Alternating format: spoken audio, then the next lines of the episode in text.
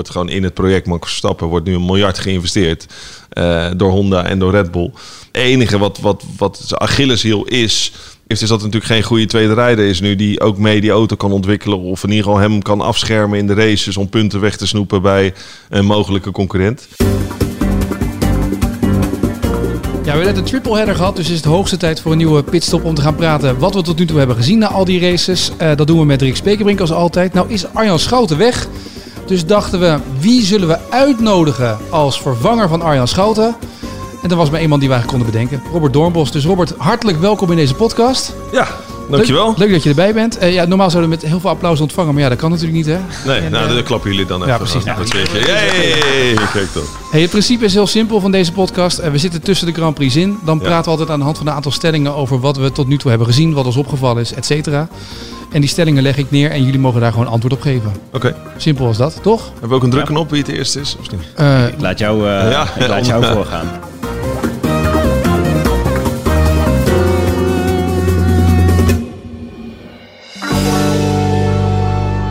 voordat ik ga beginnen met stelling 1, Rick, hoe is het met je? Want je bent vandaag, eh, heb je je getest? Ja, nee, gaat, gaat Heb je, heb je corona of niet? Nou, dat weet ik nog niet. Nee. Maar, ehm, Je moet vandaag, de- ik heb wel de, de, de staafjes in neus en keel gehad, ja. want Oh, jij ja? mag naar de Grand Prix. Maar ja, wij mogen in Spa zijn we weer, eh, weer welkom als eh, Eindelijk, AD. Eindelijk, ja. ja. Maar dat betekent wel dat je dus een, een verklaring van gezond gedrag moet overleggen. Ja. En ook eh, op het circuit geloof ik nog een keer eh, testen. Dus, eh, maar goed, eh, geen, ja, het is niet opwindend of zo. Nou, eh, ik hoor toch mensen zeg maar vol schrik reageren als dat wa- wat stokje je neus Wat in is een gaat. stokje eh, een meter in je neus in gaat? Ja. Nee, nee, ja, het zou niet goed zijn als dat je opwint. Maar eh, Ja. ik ben dus een hele andere podcast wordt dat dan.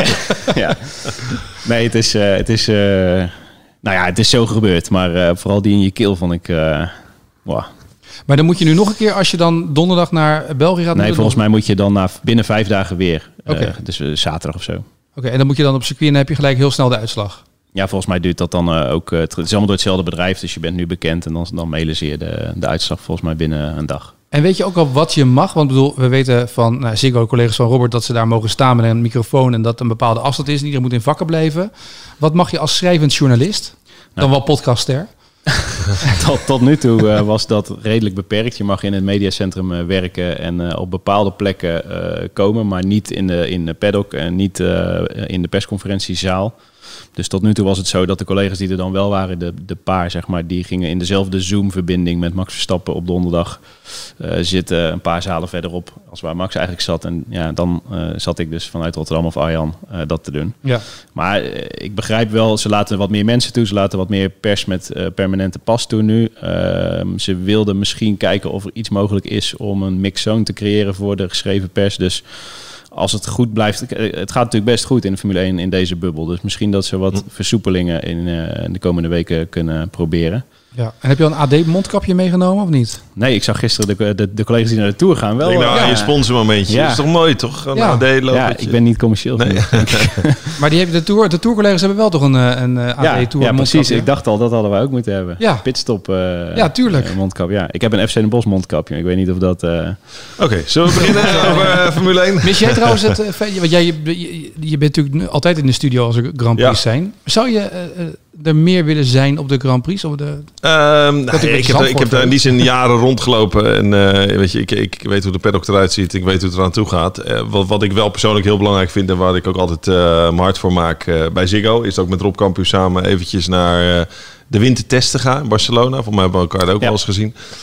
Eén, de sfeer is daar heel relaxed. Ja. Ehm, ook nu met corona was net wel niet aan het uitbreken, Ja. maar toch was het nog eens relaxed. Je kan de auto's zien in allerlei verschillende bochten ga ik staan. Ook gewoon echt bijna balans-issues kan je met het blote oog zien. Vind ik heel interessant. Eh, en het is toch even goed om die mannen allemaal weer face-to-face eh, te spreken. Kijk, de helft van de grid, daar kan ik nog mee appen. Eh, maar de andere helft is natuurlijk vrij nieuw. Ja. Dus die jongens, hè, Lennon Norris. Er komt een moment dat je niet meer er met de komt een grid kan moment dat, dat ik denk, oh ja, wie was die Dormels ook alweer? Dus het is ook wel eens goed om, om toch even die, eh, die mannen allemaal te zien en, eh, en te spreken.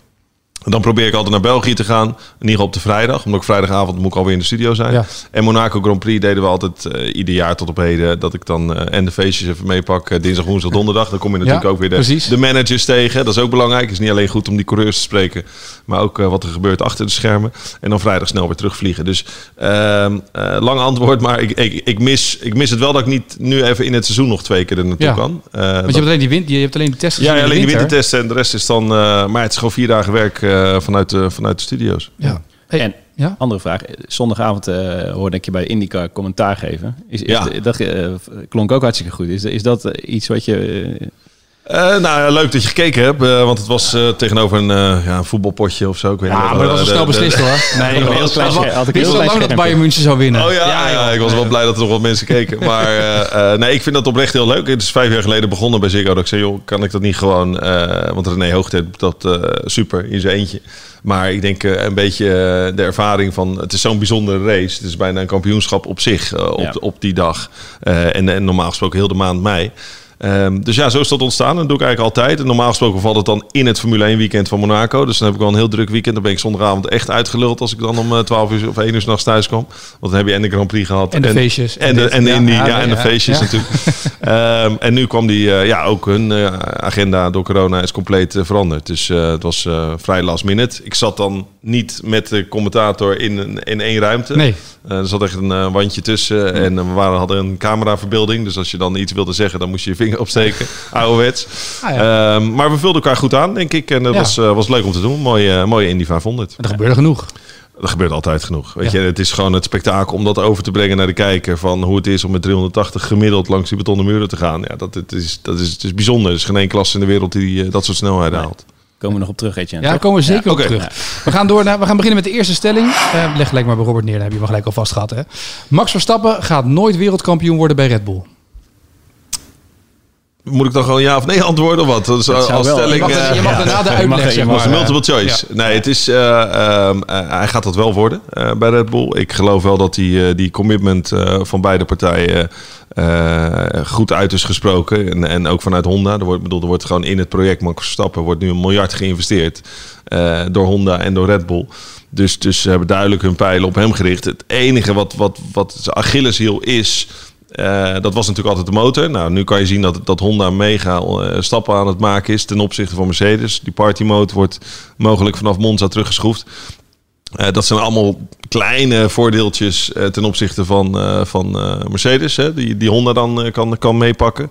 Ehm, waar hij het wel moeilijk mee heeft, is dat er natuurlijk geen goede tweede rijder is nu die ook mee die auto kan ontwikkelen. Of in ieder geval hem kan afschermen in de races om punten weg te snoepen bij een mogelijke concurrent. Ja. Kijk, dit jaar rijdt hij een waanzinnig jaar. Hij wordt geen kampioen, dat weten we allemaal. Nee. Ehm, maar tegelijkertijd is het zijn beste jaar in Formule 1. Dus hoe, hoe, hoe dubbel is dat? Hè? Ja.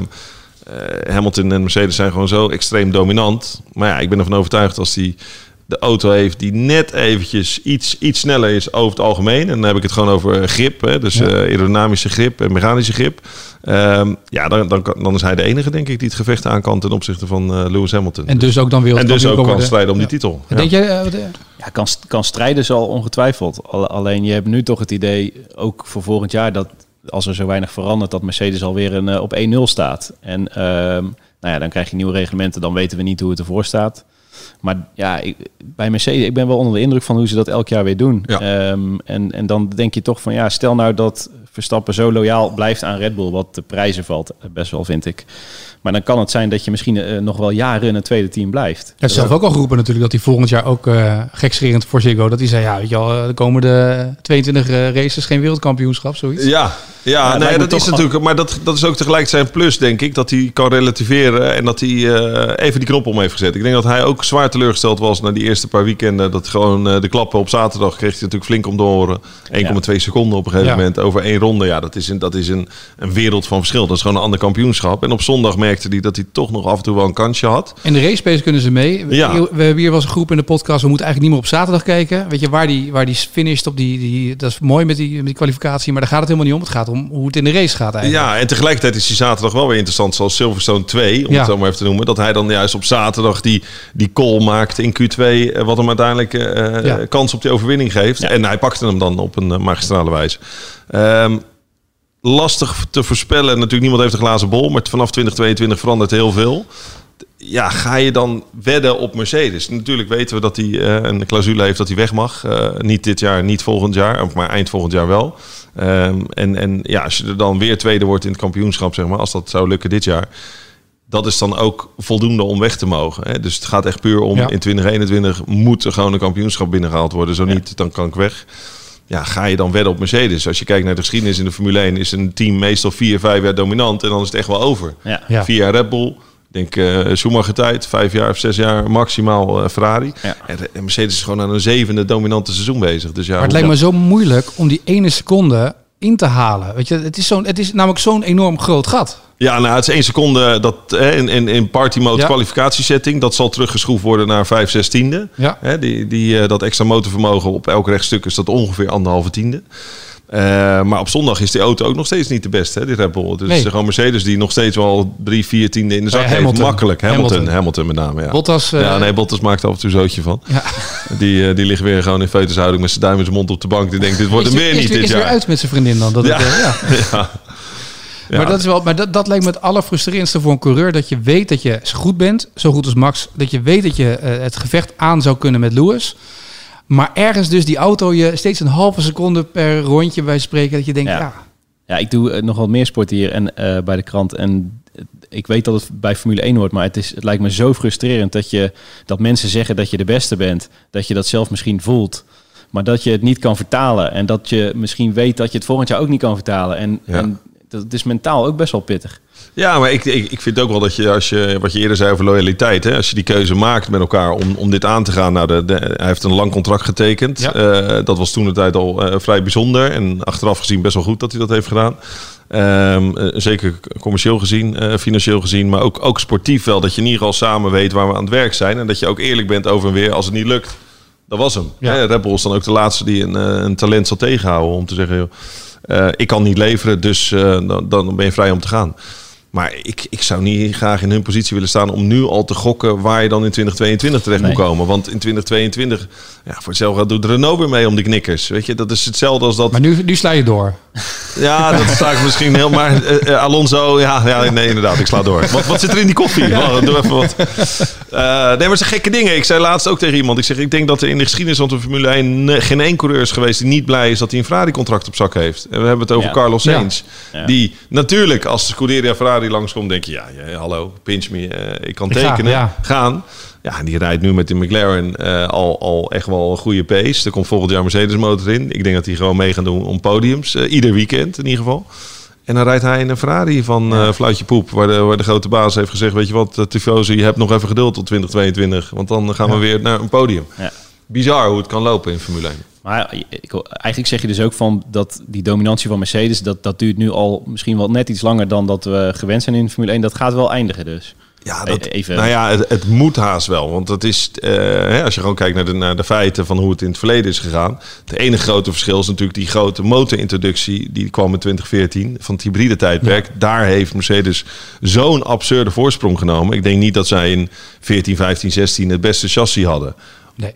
Hè, dat, dat, dat scheelde nog wel eens met, met een eh, Ferrari die een iets wat eh, te goede motor had. Of een, eh, Een leidingje had lopen ergens waar... ja, ja, maar, maar toen was Red Bull echt, echt soms sneller op zondag in, Ja. die, in die jaren. Dus dat voordeel van die motor heeft ze natuurlijk al eigenlijk drie jaar lang een cadeautje Maar dat gegeven. dat is een beetje wat we natuurlijk ook al vaak genoeg in deze podcast besproken hebben. Dat als je dus het voordeel hebt dat je steeds al vooruit kan denken, twee of drie jaar. Wat ze nu ook weer kunnen. Want Ja. ze kunnen met gerust hart gaan werken aan 2022. Ja, En iedereen roept wel dat ze dat doen. Maar ondertussen wil iedereen volgend jaar ook nog wel punten binnenhalen. Want het levert gewoon geld op. eens, eens. Maar Red Bull zal ook wel zeker al eh, wa- wat geld opzij aan het zetten zijn. Ja. Voor, je moet natuurlijk ook rekening houden met die budgetcap. Ja. Maar als je het nu al slim... Hè, de, het zijn natuurlijk allemaal slimme gasten. Ja, die gaan nu Misschien alvast, heeft eh, Lewis Hamilton inmiddels wel een windtunnel op zijn naam staan... die hij verhuurt aan Mercedes. Hè? Ik- Noem maar even iets. Ja. Ja. De Lewis Hamilton. Ja.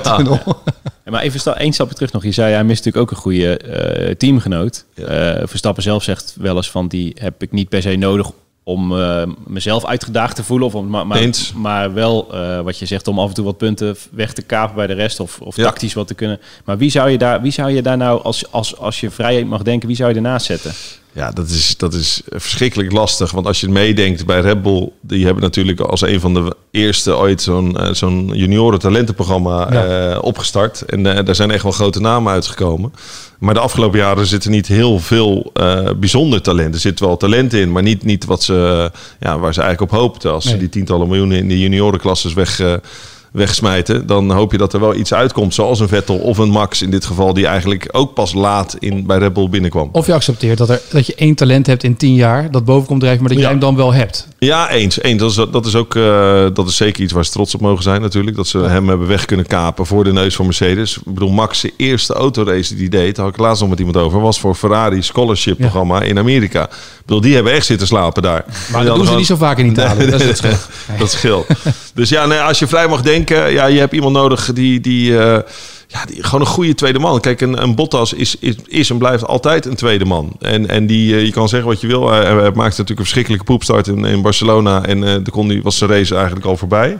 Maar over andere weekenden, dan speelt hij altijd wel de man waar even met strategie. Dan halen ze Bottas binnen om te kijken hoe die band doet. En dan zie je bij Red Bull mensen schakelen van shit, moeten we nou die undercut, moeten we die counteren met Max of focussen op Lewis. Dus dat mis je, dat spelletje. Dat er gewoon maar wie zou je doen dan? Wat we hebben vorige keer gehad, Hulkenberg. Maar ja, ik las dat Helmoet Marco heeft gezegd, ja, hij heeft gebeld. En, maar dan gaan we, de kans is klein dat hij volgend jaar in een Red Bull reist. Nou ja, dat bedoel ik dus. Want dan schieten ze zichzelf in hun eigen voet. Als ze dus nu weer een outsider gaan pakken. Ik bedoel, ze hebben dat gedaan met een paar toppers. Uh, Mark Webber, Robert Dornbos.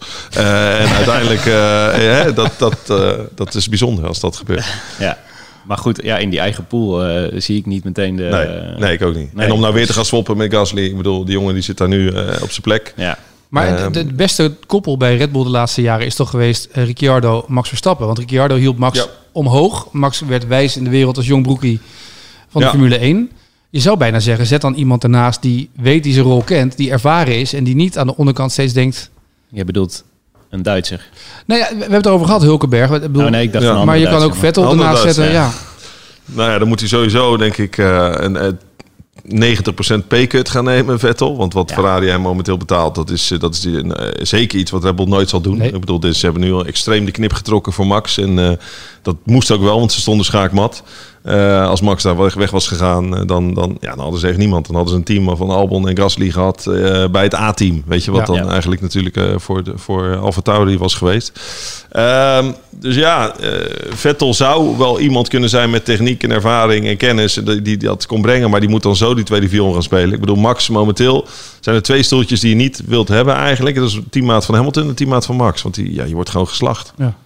Ja, dus je moet een karakter Bottas hebben die dat uh, ja. op die manier... Uh... Ja, of Albon moet in één keer iets vinden. Ik bedoel, ze ja. blijven hem beschermen, wat ik, wat ik ook wel bijzonder vind. Je kan, uh, als je dat vergelijkt met hoe, hoe ze met Gasly omgingen, dat is, dat is zo ja. veel harder. En misschien hebben ze ervan geleerd. Hè, want je kan iemand dus ook mentaal compleet knakken. maar knakken, ik weet niet of jullie de boordradio gehoord hebben na, na Barcelona van Albon. Ik, tranen liepen in je ogen bijna, man. Die gozer wist het was compleet zoek. Ja. Echt, echt uh, Sorry jongens, ik ja. weet het niet meer. Ik weet het gewoon niet meer. En dan hoor je dat een, uh, een Vettel 37 rondes had gereden op de softband... en hij kwam na 7 rondes op de radio, mag ik naar binnen? Dus ja. Ze doen het niet meer. Weet je, die auto is natuurlijk ook verschrikkelijk lastig om mee te rijden, maar... Ja, Albon die, uh, die is echt zoek maar Daarom, ja, je hebt met Horner gewerkt in de Formule 3000 en ook in de Formule 1 natuurlijk bij Red Bull toen hij daar.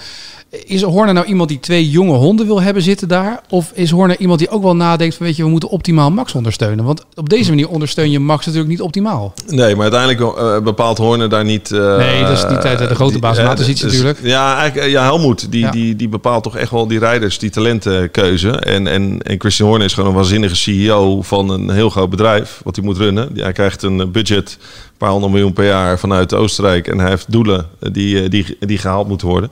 Dus dat, dat is tegenwoordig wat een Formule 1 teambaas is. Dat is een, dat een verschrikkelijk goede CEO die heli helikopterview heeft over de hele organisatie.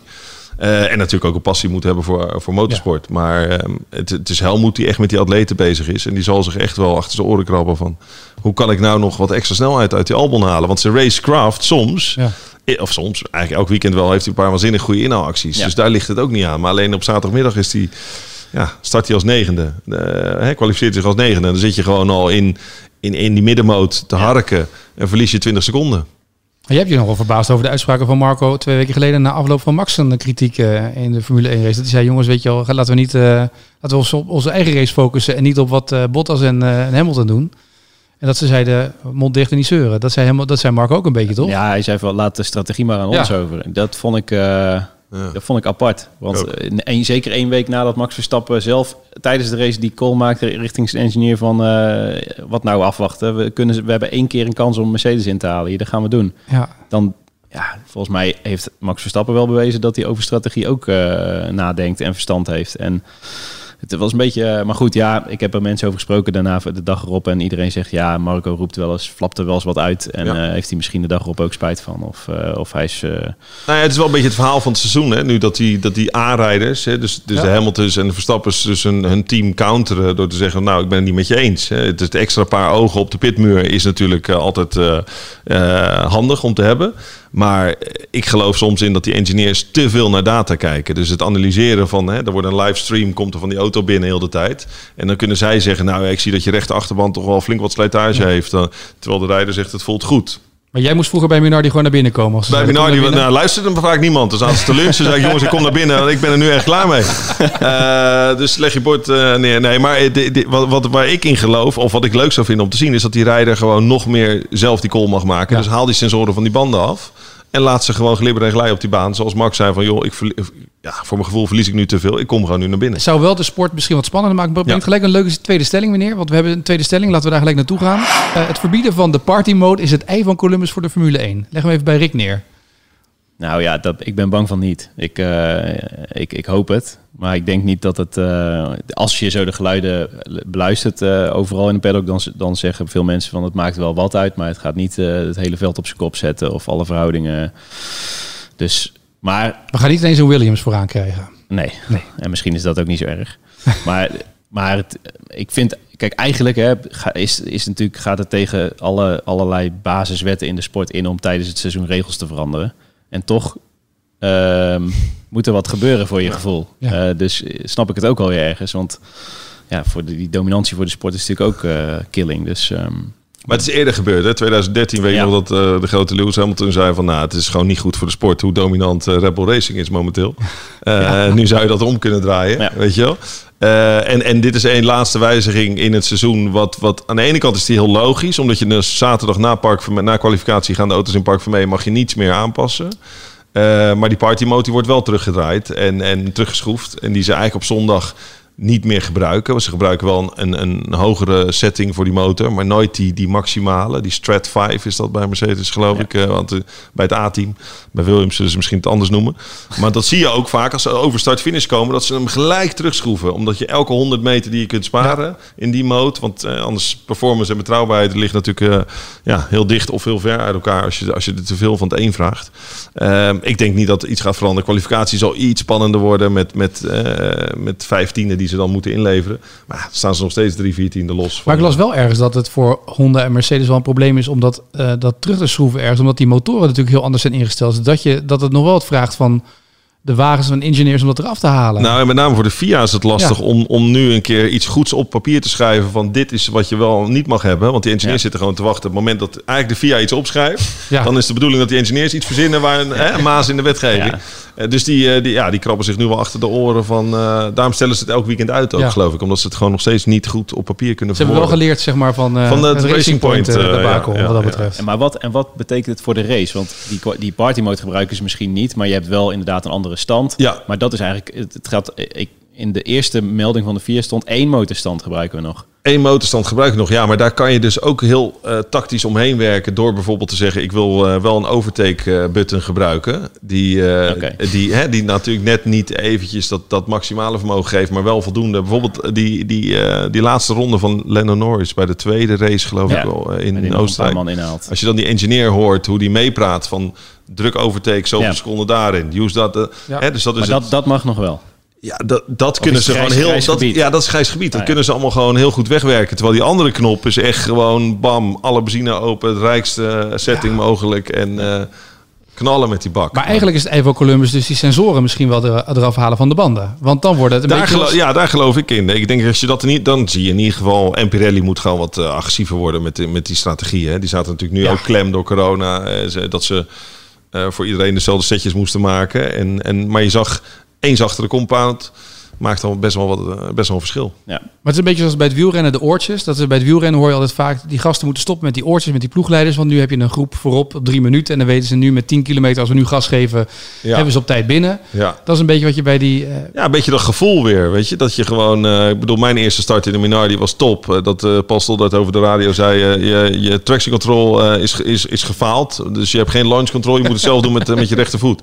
900 pk met koude banden, dus dat was super. Dan zag je alleen nog zo'n rookpluimpje achterin.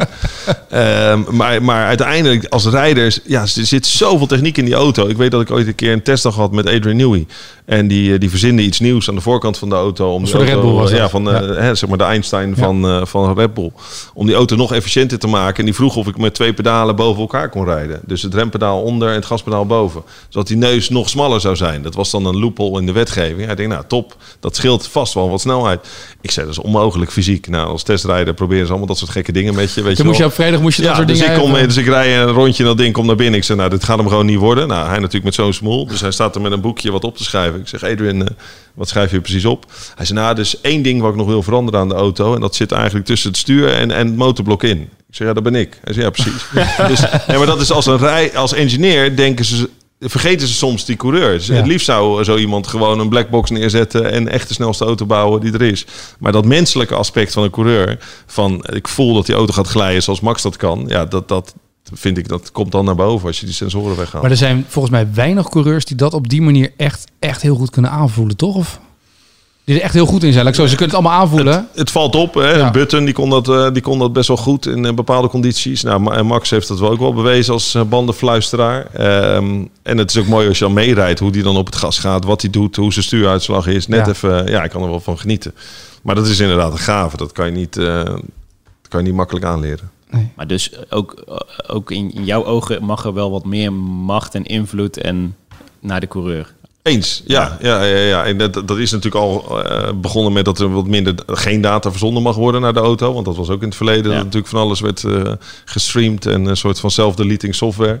Ehm, eh, ja, en de rijder moet zelf al die knoppen indrukken. Natuurlijk wel op het advies van zijn team. Maar ja, laat, laat die rijder nog maar meer doen. Ik bedoel, je ziet soms de overcapaciteit van Max is dan misschien extreem tijdens een race. Of van Hamilton. Dat hij, ik bedoel, dat hij Maar in sommige gevallen wil je dat ook weer niet, hè?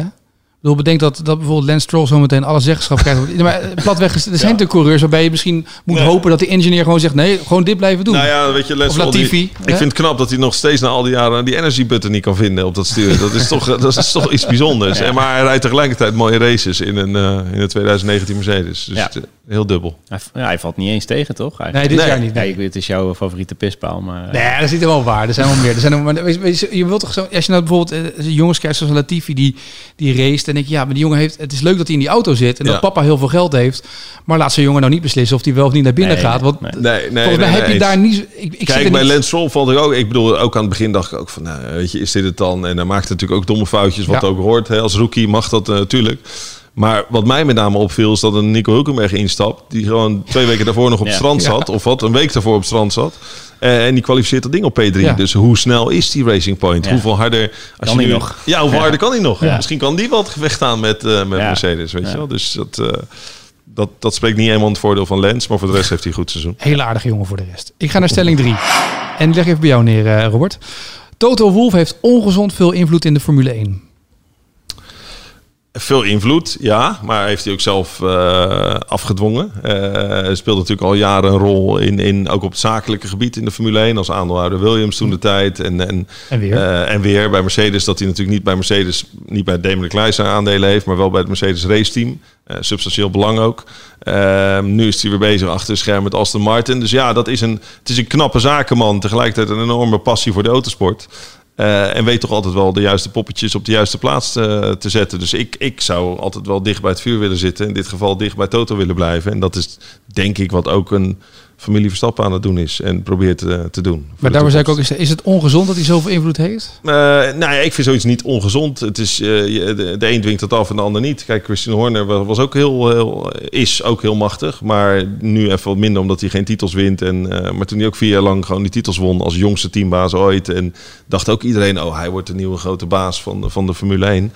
Eh, wellicht gebeurt dat nog een dag. Maar eh, nee, ja, dat, dat hoort er wel een beetje bij, bij de sport. Eh, dat zakelijke en dat sportieve vind ik leuk. Altijd die combinatie. En Toto Wolff is daar een absoluut voorbeeld van. Dat je dat eh, kan maximaliseren. Wat vind jij? Nou, ik vraag me vooral af waarom zou je dat, waarom zou je nou aandelen Aston Martin of aandelen Williams kopen? Ik snap dat dat financieel is, dat je daar beter van hoopt te kunnen worden.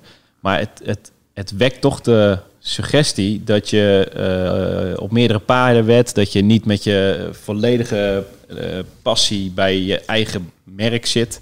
Waarom zou je nou als je, je gaat hier toch ook niet eh, als directeur van Feyenoord je ook bemoeien met eh, de opleiding van, van PSV of Nee, Ik goed vind punt. het zo- goed punt. Nou, Maar, dat, het zou natuurlijk heel gek zijn als de hoofdredactie van eh, het AD ja, aandelen heeft van de Telegraaf. Ja, dat is Ja, misschien dat een is lastig dat, zou, dat zou heel gek zijn omdat, omdat je in hetzelfde speelveld zit. Ja, maar die dingen, die, die, in het geval van Toto Wolf was dat, liep dat nooit helemaal parallel. Hè? Die aandelen Williams die die had toen de kans kwam dat hij Mercedes kon oprichten. eh uiteraard Dat had, klopt. hij, had dat hij toen nog die aandelen. 2014 verkocht. ja, en dat stond in het 15%. contract dat hij natuurlijk wel afstand moest doen van die aandelen Ja. voordat, eh, voordat, eh, voordat hij echt daar de grote baas werd.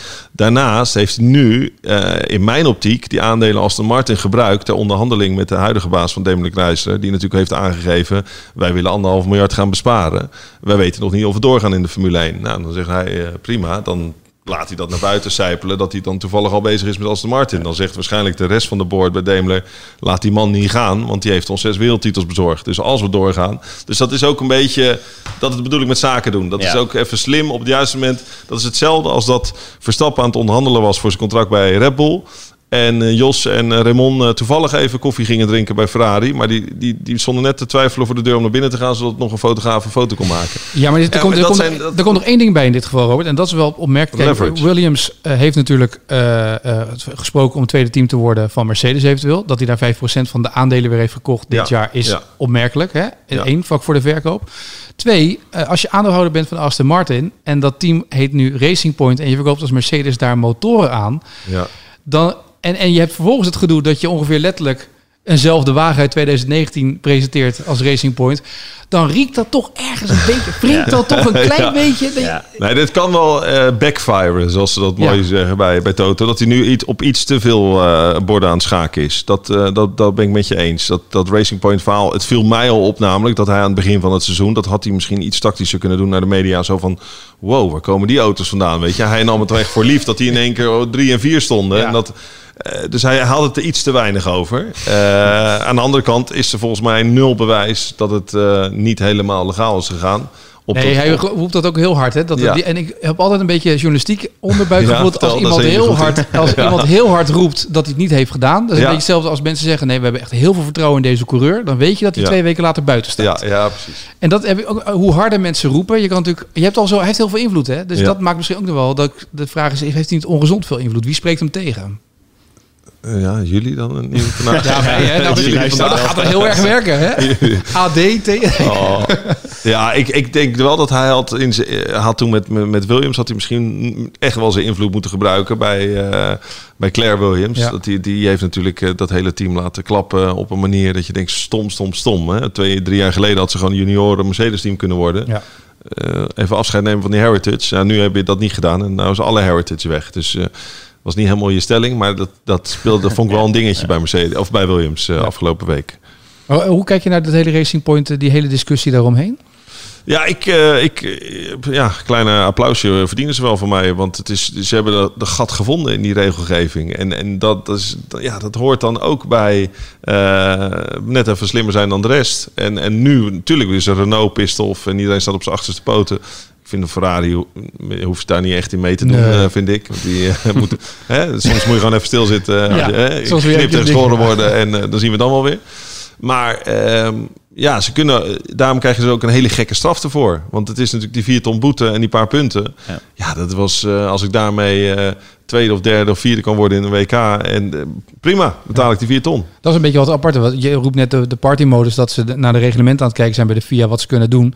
Dat een organisatie al zo lang bezig is, Rick, die dan niet voor elkaar krijgen om goede regelgeving te maken om dit soort dingen uit te sluiten eigenlijk. Dat is toch wel apart, toch? Ja, maar je, dat, je ziet dat toch vaker, hè? Dat, dat ook met criminaliteit en... en Ja, maar eh, dit is toch geen is Nee, toch- nee, nee, maar ik, ik wil zeggen dat degene die de regels dat maakt... dat Tachi de regels anders interpreteert, dat begrijp ik. Nee, Maar, nee, nee, maar je, de, Je, je hebt toch altijd mensen die slimmer zijn dan de... Ja. En eh, Robert legt net goed uit, er zitten een paar honderd mensen nu te wachten op nieuwe reglementen om te kijken waar ze erop kunnen schieten. En, Ja. die, en die zijn misschien met meer en met meer kennis en meer geld dan de, eh, de paar mensen van de VIA die En het ze is in sport ook. Dus- eigen, zeg maar. Hè? Ja, het is in alle sporten eigen. Als je Lens Armstrong 1 zag, die, die wist natuurlijk in het wielrennen precies wat hij moest doen om, om welke producten hij wel of niet moest gebruiken, omdat ze de meetapparatuur Ja, maar hadden. dat is eh, precies het dopingreglement. Je zet er nu drie nieuwe eh, middelen op. Oké, die worden niet meer gebruikt. Eh, volgend jaar moeten ze er weer drie andere opzetten, omdat die ineens in zwang zijn. Ja, Ja, er zit altijd weer een arts te, Ja. ja. te verzinnen Dat- hoe dat- of wat. dat is ook eh, de sport. Maar bij, bij het, het verschil is bij Formule 1 is kopiëren en naar elkaar kijken. eh, wel echt onderdeel ervan. Ik Ja. bedoel, je ziet die fotografen vier dagen lang eh, klikken op. En je Ieder- loopt gewoon met een McLaren shirt Ja. eh, Ja. die- met, met zulke telelens. En nu hadden Alleen, ze wel ja, hebt- 3D-camera's. Ja. Dat vond ik dan wel, eh, hebt- dat gaat wel een stapje verder natuurlijk. Foto's maken en namaken of echt iets Ja. eh, uit een 3D-printer of zo. Daar zit wel verschil in. Maar ja, ik vind ook ehm, op zich hebben ze, op, op zich hebben ze, het hebben ze dat slim gedaan. Ja, dat, dat is ook. bij. daar kan je ook eh, winnen, zeg Ja. maar, op de computer. Op de computer. En dat wordt natuurlijk alleen maar meer, want de data, data, data, eh, 3D-printers. Je kan alles nabouwen, printen, van een foto uitprinten. Ja, maar je moet het dan wel goed doen. Want in die tijd, wanneer was dat schandaal dat hij eh, met, met McLaren... eh, de- de- dat er iemand bij die copyshop naar binnen was gelopen Ja. met A5-formaat. eh dit Ja. eh, kan ik deze Formule 1-auto ergens kopiëren. Ja, dat, hè, dat, dat is dan eh, een beetje rommelig. Maar in dit geval, eh, nogmaals, ze hebben in mijn optiek niet, niet vals gespeeld. Er was eventjes die issue met, die- met die breakduct. Ja. Eh, Ja. Ze hebben gewoon echt een gat gevonden in de wetgeving. Nou, chapeau. We gaan eh, naar de allerlaatste stelling. IndyCar is veel leuker dan Formule 1. Nou, Formule 1 is, is, is de elite van de autosport. En dat is eh, hè, omdat al die verschillende autofabrikanten tegen elkaar strijden. IndyCar is leuker, het is, het is wat eerlijker. Hè? Dus je hoeft niet bij het beste team te zitten om te winnen. Ik bedoel, Rail Letterman Racing, die pakken gewoon nu de, hè, de Indy 500 overwinning. Met, en sterker nog, eerste en derde worden ze. Eh, dat vond ik wel leuk in Amerika, dat je niet bij het beste team hoeft te zitten. Dus het is meer talent wat daar echt naar boven De auto's zijn gelijkwaardig. Iets gelijkwaardiger. Je hebt dan wel een strijd tussen Honda en Chevrolet Ja. met de motoren op de speedways. Maar ja, dat is een marginaal verschil. En eh, kijk, het is eigenlijk met appels met peren vergelijken. Want een top IndyCar team die werkt met ongeveer 10% budget van wat een Formule 1 team gebruikt. Eh, er zit veel minder techniek in, er is minder personeel. Maar daardoor is het level playing field wel iets, iets, eh, iets leuker. Eh, ja, en de usual suspects die rijden vooraan, de Scott Dixons. Maar je kan met een, met een klein team, dat zag ik toen ook in mijn eerste jaar daar, kon je gewoon het gevecht aan met ze. Dus dat, was, eh, de- dat maakt het wel leuker. Jij, Rick? Dit ik weekend ook naar de Indy 500 gekeken. Ja, drie uur eh, en drieënhalf uur denk ik. Ja. ik heb af en toe nog even zitten appen, want ik, dan was ik even de weg kwijt. Septic tussen voetbal en Formule Ja, 1 jij terug. maakte de fout Oh, toch eh, tussen dat potje. Maar je wist toch wel wie er ging winnen? Ja, maar ik moest wel eventjes af en Een toe- bevestiging had je Ik nodig. moest er even, als ik een doelpunt mis, dan hebben die voetbalgasten hier allemaal natuurlijk op het dak. Oh, dat ik die ja, goal niet ja, heb gezien. Dus, ja. Nee, ik heb me, ik heb me wel vermaakt. Ik, eh, er gebeurt natuurlijk veel. En, je, en eh, elke, elke 30 ronden heb je wel een klapper. En eh, Ja. dat is een beetje rampjournalistiek of zo. Maar je, dus je- dat, dat, dat hoort er ook bij. Dus, Er moet af en toe ook iets, eh, zonder dat er verder grote... Maar iedereen stapt gewoon uit die auto ook. Geen, geen Ja, enkel probleem. Alleen ik weet niet of je... Maar goed, ze rijden ook niet elke eh, week op zo'n oval. Eh, dat, ik vind wel het leuke van Formule 1 ook het circuit. En, Ja. en de bochten. En eh, trage bochten. En, en dat, dat, en, en ik vind ook, dat ik kijk niet elke IndyCar, ik vind dat het niet super in beeld wordt gebracht. Je hebt Nee. te weinig onderlinge tijdsverschillen. Als er iemand de, de pits gaat inrijdt, zie je niet wie, ik zie niet wie het is. Eh, links in beeld zie je wel de verschillen, maar ook niet altijd onderling. Eh, geen boordradio's of, of bijna niet. Formule 1 wordt volgens mij Tuurlijk. beter. eh, jullie hadden wel boordradio, toch? Want ik hoorde jullie tijdens het commentaar af en toe eens roepen. Op de boordradio Ja. zegt hij dit of dit. Ja. Ja, ja, ja. Oh, dat waar, is hij jullie dan, niet. waar is hij dan gebleven? Oh ja, ja, En ja. René zei dan Zo'n inderdaad... spotter, eh, ja, hoorde wij- je dan, wij horen eh, nu dat... eh, Ja, Rinus, extra eh, paar ogen. Ja. Ja, en Formule 1 is natuurlijk wat dat betreft Ja, veel hoger niveau. zo, Kijk, ja. Formule 1 is na het WK voetbal en de Olympische Spelen de beste wekensport op aarde. Dus Ja. dat zijn cijfers waar IndyCar van kan, van, van kan dromen. Eh, en daardoor heb je bijvoorbeeld in IndyCar, wat ook heel bijzonder is, is dat je elke race een andere kleurstelling hebt op Ja. een auto. Terwijl je, de auto hoort nog steeds bij dat team. Weet Ja. je, het is niet zoals Mercedes is, Mercedes kleuren voor dit jaar. Nee, dan heb je gewoon eh, ieder weekend een andere, andere kleurstelling. Dus het is, eh, het, het is van, ja, wat, wat, wat klassieke racen, zeg maar. Hoe het Formule 1 ooit Wat was. is zwaarder? Want je hebt in beide auto's gezeten. En fysiek is IndyCar zwaarder op, op de gewone circuits, omdat je geen stuurbekrachtiging hebt. De G-krachten zijn dan wel iets minder dan Formule 1. Maar het- dat, dat, maar dat stuurbekrachtiging, dat maakt het echt zwaar. Dan moest je gewoon 5, 6 kilo aan spiermassa eh, erbij zetten toen ik daar aankwam. Eh, en, en daar verlies je ook gewoon 3, 4 kilo na race aan, aan Ja. vocht. Dus, maar in die 500 is fysiek niet eens zo zwaar. Omdat je, ja, je zit helemaal ingebouwd en je kan bijna niks doen eh, met, met je lichaam. Want de G-krachten zijn Ja. minimaal. Je hebt amper downforce. Maar het is mentaal zwaar. Ja. En dan zag je dan een foutje, zoals bijvoorbeeld een Rinus. Wat een prachtig eh, debuut was eh, tot, tot die tweede pitstop. Rookie fout, hoort erbij. Kegelt bijna eh, als een monteurs omver. Eh, maar zelfs de grote Fernando Alonso, die zag je moeilijk hebben met, om, om in die pitlane binnen te komen. Die auto's zijn zo asymmetrisch afgesteld. Dat is nog het moeilijkste, is gewoon binnenrijden en wegrijden in de pitlane. Ja. Ja, Eh, heel gek, maar eh, andere tak van sport en daardoor ook leuk om naar te kijken. zeker. Mijn hoogtepunt was eh, bij de Indy 500 gewoon de bandenwissel. Vond ik leuk, de pitstop. Dat duurde allemaal zo lang. En Ja, zo, is ja, één mannetje, bandje gebeuren. bandje erop. Dat is een beetje wat in de Ziggo-studio gebeurt op, op vrijdagavond als ze een bandenwissel moeten doen met zo'n Red Bull Challenge. Weet je, dat is een beetje... Ja, dan verliezen we de, de wielknop. Ja, Ja, ik ben blij dat ik goede monteurs had, zeg maar, in mijn tijd. Ja, als je met Formule 1 ogen naar zo'n pitstop kijkt, denk je, schiet nou op Ja. de kostbare tijd. al die slangen eruit, weet je wel. Maar goed, ja, daarom moet je het ook niet vergelijken. Hey, kijken jullie een beetje uit naar, naar weer eh, drie races eh, op korte termijn achter elkaar? Ja, nou, sportief gezien wel. Ik kijk er niet naar uit dat ik op 12 dagen met Campus weer moet samenwerken. en eh, dat is natuurlijk gewoon pittig. Ja. Ik mag dat eh, mag wel eens gezegd worden. Eh, nee hoor, ik vind dat goed voor betaald? Ik vind dat heel leuk om te doen. Ja, ja compensatie. maar ook elkaar scherp. En ja, die triple header is voor mens en machine best wel een aanslagje. Ik denk dat die voor de rijders het nu makkelijker te doen is, omdat in verhouding minder media is, minder sponsorverplichtingen. Eh, dat, vliegen. Minder vliegen, want dat hakt er natuurlijk best wel in. Eh, en die monteurs, ja, die, die, ik hoop dat ze de naam van hun vrouw nog kennen als ze thuiskomen. Want die zitten natuurlijk ook allemaal Ja. in een bubbel eh, voor, voor 21 dagen minimaal. Maar ehm, ja, ik vind het wel gaaf dat, het, eh, dat we toch nog een seizoen hebben dit jaar. Nou, je hoort toch ook heel veel, steeds meer coureurs, ook Max Verstappen hoorde je naar Spanje nog roepen van ja, dit wordt wel, dit, het is leuk dat we dit doen voor dit jaar, maar dit moeten we niet vaker doen, dit Nee, soort eh, dit, triple is, dit is wel de, de max, zeg Ja, maar. leuk. Alleen ik denk dat hij dat inderdaad vooral voor de, voor de, de mensen bij het team bedoelde. Want Ja. volgens mij kan je Ja. hem elke week wel wakker maken voor een, eh bij wijze van. Ja, Eh, maar het is wel zwaar volgens mij om die waren steeds weer aan te passen. Aan te passen als er vrijdag wat misgaat en dan op zaterdag nog een keer. eh, Ja, en wat het leuke nu is, dat je een aantal nieuwe circuits natuurlijk op de kalender krijgt, waarvan ze geen data hebben. ja. Eh, of als er data is van heel lang geleden. Mugello wordt natuurlijk echt een uitdaging voor Ja. iedereen. Ja. Dat is echt een MotoGP-circuit. Dat is, eh, maar kan dat, kan dat eh, dan ook zo leuk worden dat, daar, heel, dat je daar gekke dingen ziet? Nou, de vrijdagen zijn dan wel heel leuk. In Ja. het geval van Imola doen ze dat niet, geloof ik. Dan wordt het een tweedaags weekend. Ja. Maar eh ga maar voor vrijdagmiddag eh Mugello achter de tv zitten. Want die, dat, ze moeten kilometers maken. Ze Ja. moeten data verzamelen van die auto's. En eh, ik begreep nu ook wel dat in Mugello een paar teams al... Hè, maar dat is dan een autofabrikant die dan toevallig zegt... ik huur de baan, eh, het wordt een AMG-dag. Of het wordt een eh, eh, Ferrari-dag met onze nieuwe auto's. En dan rijdt in één keer Lewis Hamilton in zo'n Mercedes... toch een paar rondjes om even het gevoel te krijgen. Dus Ja. dat deden ze in Zandvoort ook al. Hè? Dat had Mercedes ook al die dag eh, een paar rondes gereden. Dus dat, eh, dat is wel leuk aan die nieuwe circuits. Zeker. ja. ben benieuwd wat het gaat worden. Eh Spa Francorchamps, durf je nog? Ja, je moet de voorspelling morgen voor de tv ook doen, maar doe hem nu ook alvast maar even voor hier. Eh, poeh.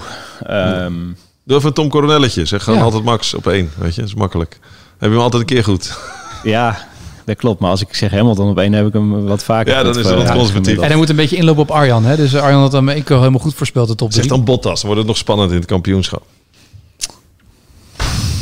Bottas op Spa winnen zit er niet in, hè? Nee, het zit er niet in. Nee. Ik zie het aan je. Gaat Bottas? niet worden. Ja, Nee. dat gaat niet worden. Nee. Heb jij de top 3 al? Dan kan hij nog even nadenken. Ja. Laten we hopen op een beetje regen. Dus dan eh, Ja, zeg ik wel nou, eh, een, eh, Hamilton Verstappen en een, eh, een outsider en een outsider op drie. eh, nee, die mag jij doen, Stroll. Dan doe ik, doe ik Ricciardo op drie. eh, iets geks. Ja. Ik doe vanwege de, de regen en eh, het chauvinisme dan Verstappen, Hamilton, Perez. Oh, ook verrassend. Tuurlijk.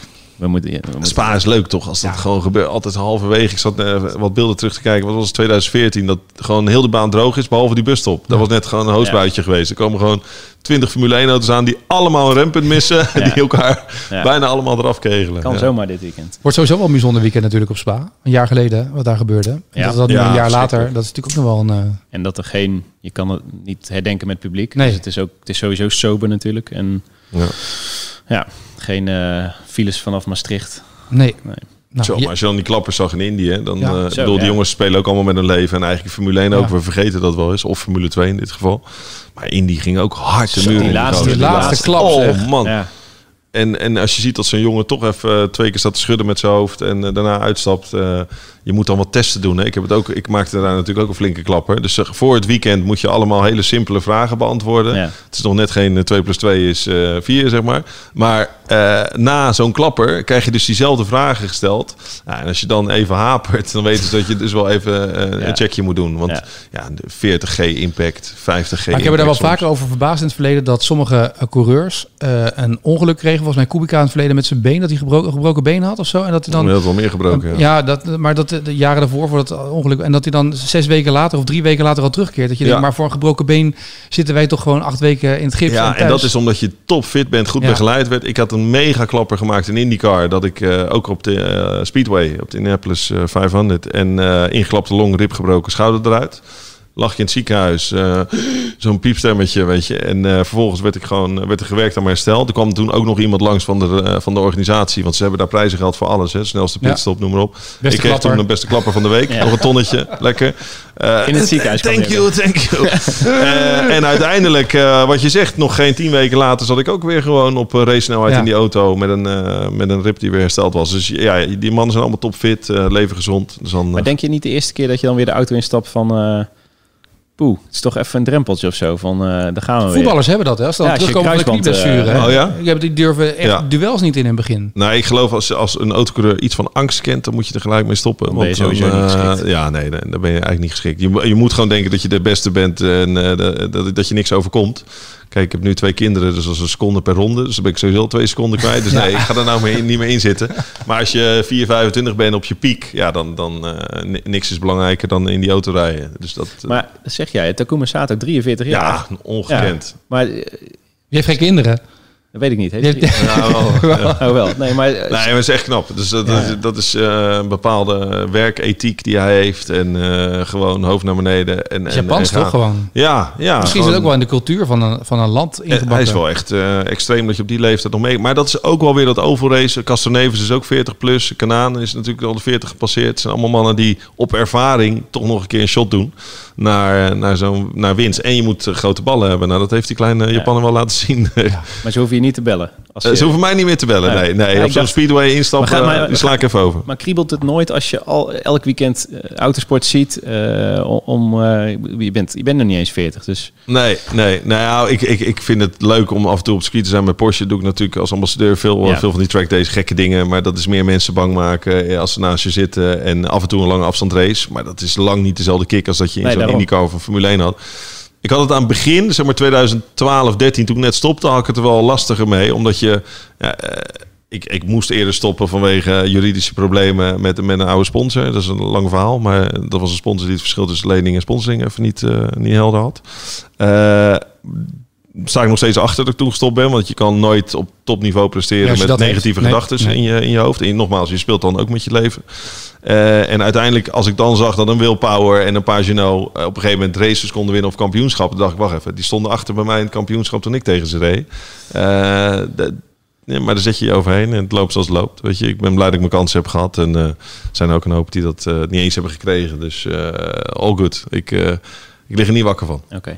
Uh, Jullie gaan eh, uitgebreid verder praten, want volgende week in de krant denk ik nog een uitgebreid interview eh, met Robert Doornbos. Leuk. Voor de podcast, dank Robert dat je hier aanschoof. Ja, graag gedaan. Uh, succes dit weekend alweer. Jij Jij ook ook. succes. Dankjewel. Wij spreken elkaar zondagavond, Zondagavond, weer. Ja, en wat eh, de voorspelling, wat een flesje wijn of zo, wie het goed heeft, appen we dan even. Ja, we appen wel even. Ja? Komt goed. Ja, dat Oké. fixen. Maar Kan wie je- zet je op drie? Even, was ik even kwijt? Eh, kom ik op je terug. Nee, Ricciardo. Oh ja, nee, sorry. Zei, ja, ja, ja, ja. Ik ga gewoon voor Lens Stroll op drie dan, ja? Dan eh, ben ik even voor de gewoon eh Max dan op krijg je één. twee flessen wijn. Lewis, ja, heel goed. Nou, bij deze. Dankjewel Robert, dank ook voor het luisteren. En eh, graag tot de volgende podcast. Zondagavond na de race in België, Spa-Francorchamps, bespreek ik die naam met Rick vanuit België. Graag tot dan.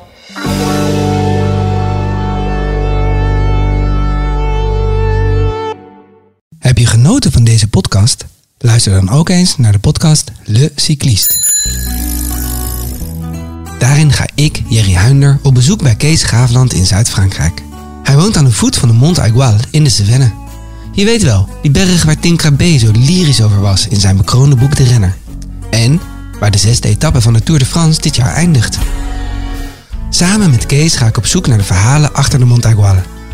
Een podcast over extreem weer, vuur, eten, oorlog en een moord. Nu te vinden op ad.nl, Spotify en iTunes.